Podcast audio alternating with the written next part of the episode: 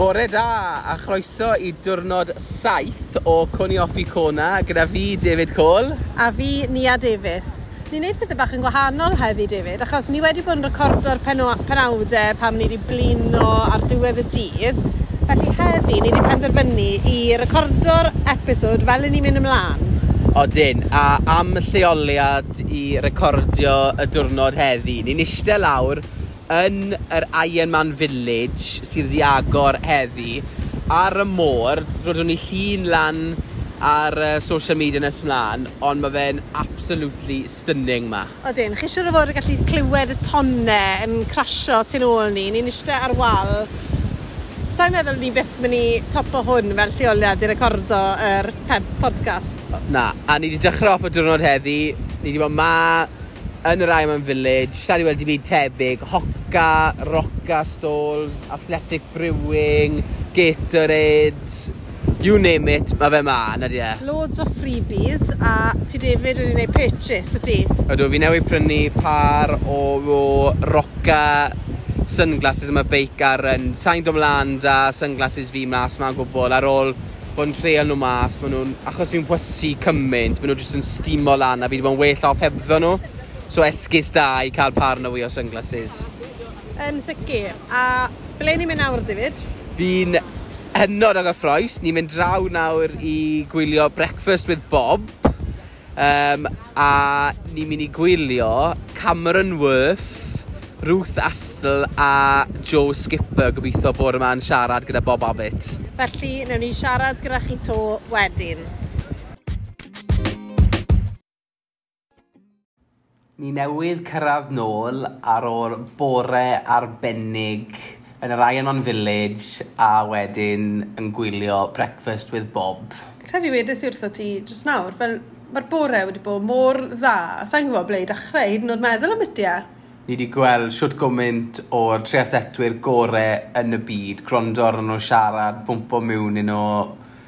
Fi'n eistedd fan hyn, a fel wedys i nawr, dwi yn yn element, nis. Ie, yeah, so Gadon i chi gynnau pan o'n ar ffordd i Breakfast with Bob. So gyreiddo ni na a wedd Dave Scott yn siarad, yn dde? Wedd, wedd. Um, a wedyn, gyda ni cwbl o coffees na, um, beth enw lle, on the rocks, efe. Hugos on the rocks. A wrth bod ti'n mynd mas, o'n i wedi troi lan i fynd hanner awr i deg, achos o'n i moyn gwrando ar, ar Cameron Worth. Mm. Cameron Worth wedi bod ar y podcast ma, um, is di mas i ôl cwpl o acau bowls i ni. Do. O'r lle o'n i di pigo lan, o'n i rili really moyn acau bowl o fyna. A pan ddes ti'n ôl, o'n i'n cael full-blown chat gyda Cameron. Digon o amser dy fe, o'n dde. Oedd yna gyda'i wraig a'i mab. A'i mab Wyatt. A oedd y ci ddim dan nhw, ond mae ci a wedi hedfan mas mae fyd yn nhw. Do. So beth bys di a Cameron yn siarad ti de? Wel, o'n i jyst yn gofyn i fe siwt oedd yr ymarfer wedi bod yn mynd ag e. Mm -hmm. Wedyn gofyn, wedyn sydd ag e, twod, pwy weni a beth ti awr o'r awr a bod wedi bod ar y podlais a oedd e'n siarad beth ti Iron Man Wales a siarad beth ti Geraint Thomas to. Mm. A oedd e'n gweud bod yr ymarfer wedi bod yn dda iawn da fe. Gofynes i pam taw nawr oedd e'n dod mas, achos fi'n meddwl drwy'n ddo neu echddo cyreiddodd e'r ynnes. Mm. A wedi e wedi cael bloc really dda o marfer yn, yn LA, a ddei well, well up for the race. Fe, ges i'r impression na pan oedd e'n siarad gyda Bob, fel oedd e'n very quietly confident yn oedd e. Oedd e ddim yn bragian, oedd e ddim yn gweud, o oh, ie, yeah, fi'n meddwl, fi'n mynd i ennill, ond pan gofynodd Bob iddo e fe, wyt ti'n gallu ennill o'n, wedi e fe, oedd ni ddim ma. Ges i'r teimlad o siarad gyda fe a gwrando ar, arno fe'n uh, siarad gyda, gyda Bob, bod ti fewn i hunan tro ma, mae fe'n rhoi pwysau i hunan i wneud yn dda.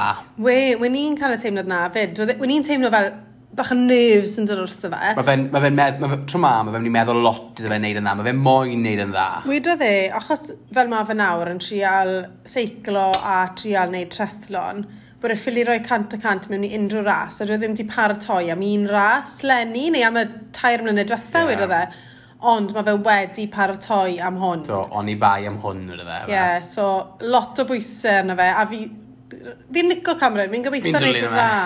Fi'n dod fi sydd ar record am seiclo'r cwrs ma, y cyflym ma. Ie. Yeah. A mae redeg e wedi gwella gwella, felly fydd yn diddorol i weld siwt neithau e off y beic. Wedyn, gatho ni claddo'n i'r acau bowls, dy fe? Oh my gosh, lush. Lot neisach na rai gatho ni ar ôl y nofio, do. Ges i, um, oedden ni'n fyd o chocolate yma. Doi nhw'n lush, do, no. Mm. A wedyn grondo ni ar Ruth Astle a troiodd Cat Matthews dan fyd rhywun pryd, dyfa? E? Do, oedd hi na i cefnogi ffrind hi. A siaradodd Ruth mor dda, dyfa? E? Do. Ti'n gweld, mae hynny mor galluog. So, i'r un chi ddim yn gwybod, Breakfast with Bob, os chi'n moyn gwylio'r cyfweliadau mae fe wedi bod yn neud, mae ma fe'n neud e bob dydd. Mm. Dechreuon nhw othos diwetha, mae fe'n cyfweld beth i 8 neu 10 person y dydd, a maen nhw mm. gyd yn mynd lan ar YouTube, Breakfast with Bob. Felly, os chi moyn edrych ar y cyfweliadau, um, ewch ar YouTube. A mae rai bore yma lan yn barod, yn dyn nhw. Um, Ruth Astor yn siarad yn diddorol y biti uh, dydd y ras wedi cael ei rannu mewn i doi ras, achos fel arfer mae'r dynion a'r merched ar yr un diwrnod, ond nawr mae'r merched ar dydd ioi a'r dynion ar dydd sadwn. A mae Bob yn gofyn iddi hi, a wydd, e me, a wydd hi meddwl bod hwn yn syniad da, a wedodd hi, pan oedd hi'n age grouper, bydde hi joio, achos bydde mwy o lled yn nhw, a bydde ddim dynion yn interfero ar y ras na beth mae'n meddwl da hwnna yw bod pobl ffili drafto'r dynion. Ond um, oedd hi'n gweud fel pro, sy'n mi'n meddwl bod gwmynt o sylw yn mynd i'r menwod nawr, achos sy'n pobl yn Ewrop mynd i cael late night yn gwylio ras ar nos iau pan mae gwaith dyn nhw at Gwener, a hefyd sy'n nhw'n mynd i cael late night nos iau a disadwn um, sy'n sy pwynt deg, ynddi a? A ddi'n gweud bod e'n broblem i'r ynnes fyd yn, yn, yn oddi, bod i cael cymaint o pobl ma, mm bod e'n mynd bach yn ormod, oedd hi'n Na'r peth, dwi e ddim fel sy'n bod yr un faint o pobl a arfer ma wedi rhannu mewn i doi diwrnod. Maen nhw wedi dwblu amount o pobl sy'n raso. O'r So, oedd hi'n, fi'n meddwl, oedd hi moyn mynd ôl i'r un fformat. Mm. So, oedd na deimlad o'n i'n cael, ty beth. Ie, yeah, ie. Yeah. Wedyn, ti'n bod ar ôl bod rownd rai village, doedd o'n i'n ôl i watch o Joe Skipper, dy fe? Do. Um, welon ni Ian Fredeno gyda. O, do! Ges, o, ges di um, ffoto o Ian Fredino, a wedd e'n doniol, yn y dde? Yn craco jokes. A wedd digon amser dy fe, wedd e mor cyfeillgar. Oedd e on top form. A wedyn grondo ni dar an Joe, oedd, pop, oedd tipyn o growd na mocho Joe, oedd e? O, oedd e'n... Fan's favourite. Oedd e'n mwyaf llawn o'r dydd mm. i, i Joe, yn oedd e? Wedd. Oedd um, siarad Joe yn really dda hefyd, fe, siarad lot o beth i'r sub-7, siarad lot o beth i Aiman Cymru, enillodd e hwnna, tia, tair wrthnos yn ôl, pedwar wrthnos yn ôl. Um, felly, ia, byddwn ni'n mynd i gryndo ar hwnna os ych chi, os ych chi heb um, Definitely. gryndo yn barod.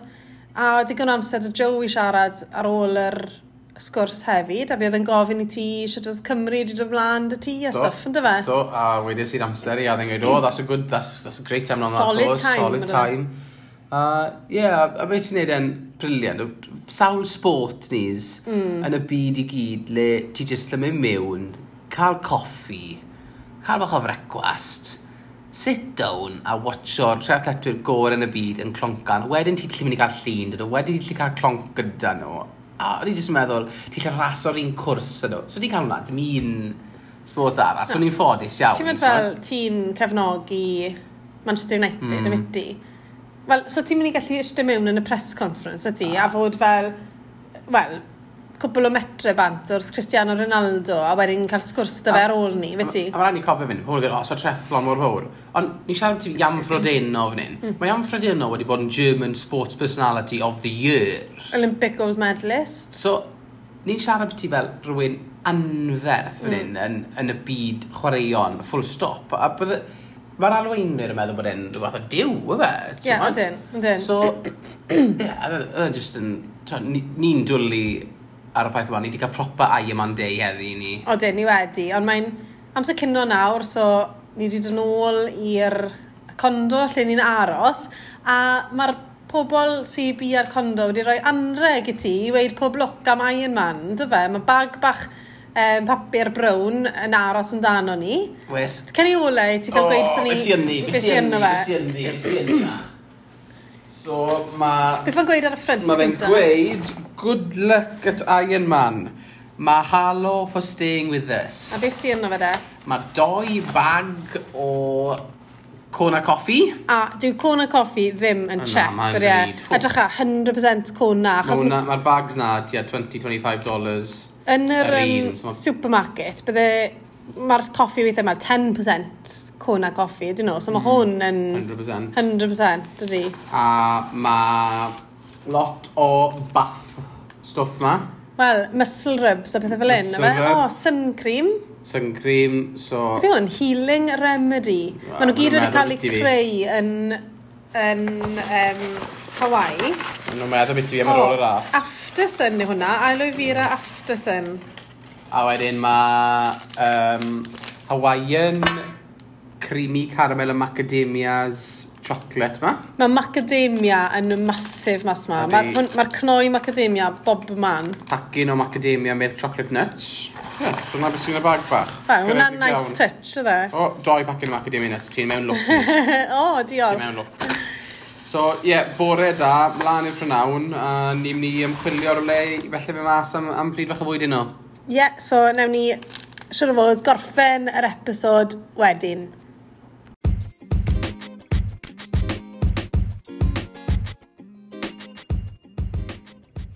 yr installment dytha am y dydd, David? Ie, yeah, ni wedi cael prynawn bach wyddo tywel i ni.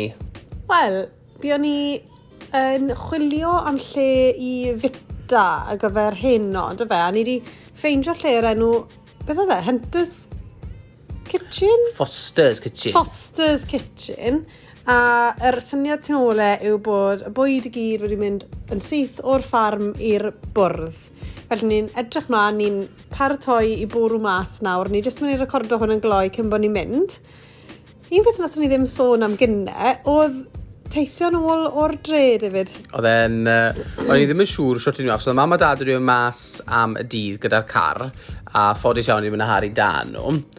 A oedd fi a ni a ddim yn siŵr, mae'n tua tri hanner milltir, na di, e, pedwar milltir nôl o Caiwla Cona i'r condos da ni a jwmpo ni ar Boris Bikes, dy fe? Ie, yeah, dim Boris Bikes yw nhw mas fan hyn, na fe, ond chi mor, fel y bikes chi heiro yn Llundain. So, oedd hwnna'n eitha, eitha cool, oedd e? $3.50 am hanner awr, so oedd rhaid i ni roi foot down. I pedlo fel yffad i'r ôl ma. Favourite moment fi o'r bike ride, oedd overtake o'r boen ar y TT bike, oedd e ddim yn hapus iawn, oedd e? A ti, o'n i'n cael gwaith cael yna ti? Wel, beth yw, David, ta'i di seiclo, ond beth i doi wythnos, so oedd coesau'n ffres. Na, ond... Ie, uh, yeah, dethon ni nôl ar ôl bod ar y bore X-Factor. Oedd o'i wasi, dangos bod dwy byddi, a ti'n gallu gweld... A oedd y bacon drum, oedd e? A oedd tipyn o lan rhyw, oedd e? Down, up, down, oedd e? Ie. A dethon ni nôl, mae ni, fel si, edrych am le i fyta am hyn. Os o'n i wedi byta mas to yn, yn y nos, ni wedi bod yn byta mewn achos ni wedi cael barbecues fel chi wedi clywed, a um, poke pokeballs, bethau fel an o sweithi. So, ni'n mynd byta mas am y tro cynta hyn, ond mae Harry yn Hawaiian shirt a shorts e, yn edrych fel real man about town. A ti a fi wedi ado string arall i'r bow, yndyn ni? Wel, ailwaith i fi wneud e, ond tramabi os ti'n helpu fi wneud e. Yes, i'n wrthi. Sef, ar... beth? Sisiwn, dy fe? Torri gwallt Harry. So mae wedi cael haircut, a mae fe'n Hawaiian shorts a t-shirt, a Nikes e. So mae'n dangos ni gyd lan. Dim am y tro gynta. O fe'n edrych mor cool, ydy e. Ydy. Er mae'r heicet bach yn dodgy, ond mae'n ysgamnach na beth wedd e. So dim just fi a Nia sydd wedi bod yn embracing the Hawaiian theme a popeth heddi. Mae Hawa... ma Harry bach wrth i fynd. Odi. So, Os ti'n beth arall ni wedi anghofio gwneud? Wel, ni wedi gwneud bach o yoga, fi bys ti'n gwneud workout bach ar y balcony per awn ma fyd, dwi'n Do. Um, yeah, so bod... Odi, a ni wedi bod yn golchi dillad a pethau bach boring fel. Ni'n really setlo mewn i'r bywyd nawr, ynddy ni? Odyn, so mas am bach o fwyd nawr.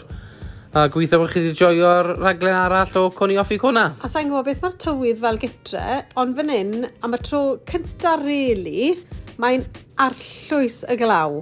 Mm. Ni wedi cael cwbl o cywodydd bach ysgafn, ond right nawr mae'n bwrw'n drwm. Proper fel Caribbean weather, le mae wedi bod neis o'r all of a sudden. Ie, yeah, so sa'n credu bod yn mynd i para hir, ond gobeithio bod hwnna'n hala chi bach yn llai yn genfi geni sy'n clywed bod glaw gyda ni. So, fel wedi David, diolch yn fawr iawn i chi am gryndo a cadwch mewn cysylltiad gyda ni, so sy'n unrhyw cwestiynau neu unrhyw beth, rhowch gwybod, a newn ni posto cwbl o luniau i fynd ar episod yma hefyd. Good, ta-ra!